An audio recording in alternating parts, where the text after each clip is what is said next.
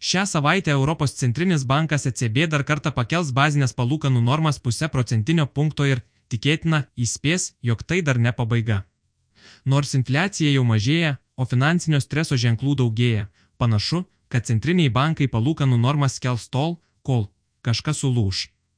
Šiuo metu trijų mėnesių tarbankinės palūkanų normos Euribor, kurios tiesiogiai priklauso nuo ECB politikos, jau siekia 3 procentus.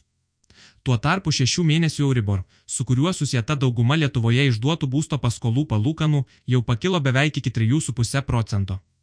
Dar prieš tris mėnesius rinkose vyravo lūkestis, jog palūkanų normų pikas bus pasiektas ties 3 procentų riba, tačiau šiandien Euribor ateities sandoriai rodo, kad iki šių metų vasaros pabaigos šios palūkanų normos priartės prie 4 procentų.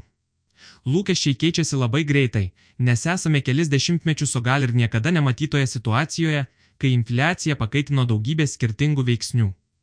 Tai ir pandemijos metu atsiradę suvaržymai bei prekių trūkumas ir precedento neturintis ekonomikos skatinimas mažomis palūkanomis bei skolintomis valstybių lėšomis ir darbuotojų trūkumas ir karas Ukrainoje.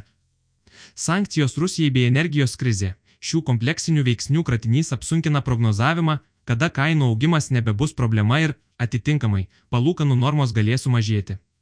Eurozonoje infliacija mažėja jau pastaruosius keturis mėnesius, praėjusiu metu spalį siekusi 10,6 procento, šių metų vasarį ji jau nukrito iki 8,5 procento.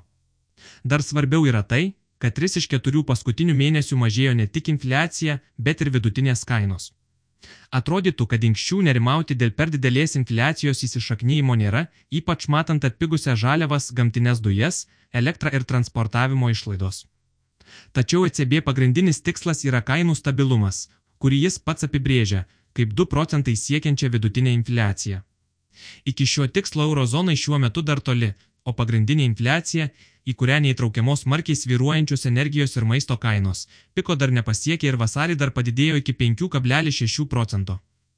Kad ir kaip atrodytų keista, net ir matydami įsikvepiančią infliaciją, centriniai bankai vis dar bijo per gajų infliacijos lūkesčių ir per spartaus atlyginimo augimo, pavirstančių į per spartų kainų, ypač paslaugų augimą. Todėl tol, kol nedarbo lygis išlieka dešimtmečius nematytose žemumose, atlyginimai sparčiai auga ir nėra per daug akivaizdžių recesijos ženklų, ECB visą dėmesį sutelks tik į vieną rodiklį - infliaciją. 2021 metais daugelis didžiųjų centrinių bankų padarė didelę klaidą. Per ilgai ignoravo didėjančią infliaciją ir per ilgai kartojo, kad ji yra laikina ir tuoj atslūks. Nors žemų palūkanų ir perteklinės pinigų pasiūlos tiesioginė įtaka kainų šuoliui buvo ribota ir netiesioginė, daugelis dabar kaltina būtent centrinius bankus. Savo veiksmais iš butelio išleidusius dešimtmečius nematytą infliacijos džiną. Būtent todėl dabar centriniai bankai bijo pakartoti tą pačią klaidą - pasidžiaugti mažėjančią infliaciją ir per anksti sustoti kelti palūkanas rizikuojant. Kad infliacijos lūkesčiai ir spartus atlyginimų augimas pakaitins vienas kitą bei užkirs kelią infliacijos grįžimui prie 2 procentų ribos.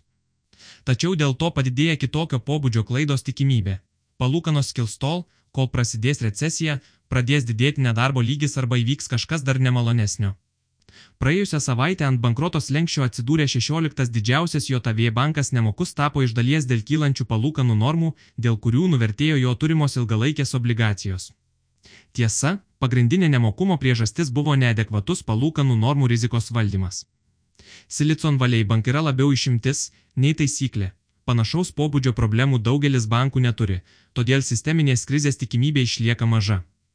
Vis tik daugiau nei dešimtmetį besitęsusi pigių pinigų yra ir ją sekantis dešimtmečius nematytas palūkanų normų šuolis. Tikėtina, iš spintų ištrauks ir daugiau skeletų.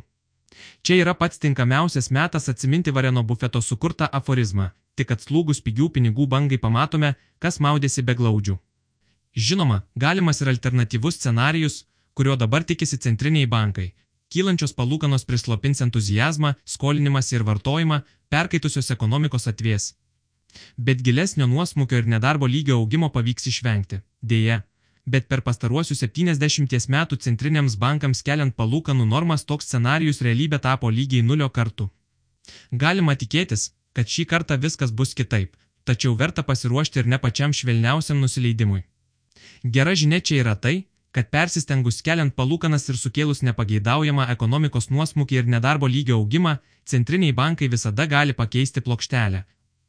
Padidinti pinigų pasiūlą ir sumažinti jų kainą. Dėl šios priežasties Svetbank ekonomistai prognozuoja, kad ECB bazinės palūkanų normas mažins jau kitais metais, o jų pabaigoje jos gali nukristi iki 2 procentų. Neapibrieštumo visuose frontuose išlieka nemažai, tačiau vieno scenarijaus centriniai bankai turbūt artimiausių metų nebenorės kartoti - nulinių ir neigiamų palūkanų era. Išpūtusi burbulus ir iškreipusi rizikos suvokimą turėtų ilgam likti praeitie.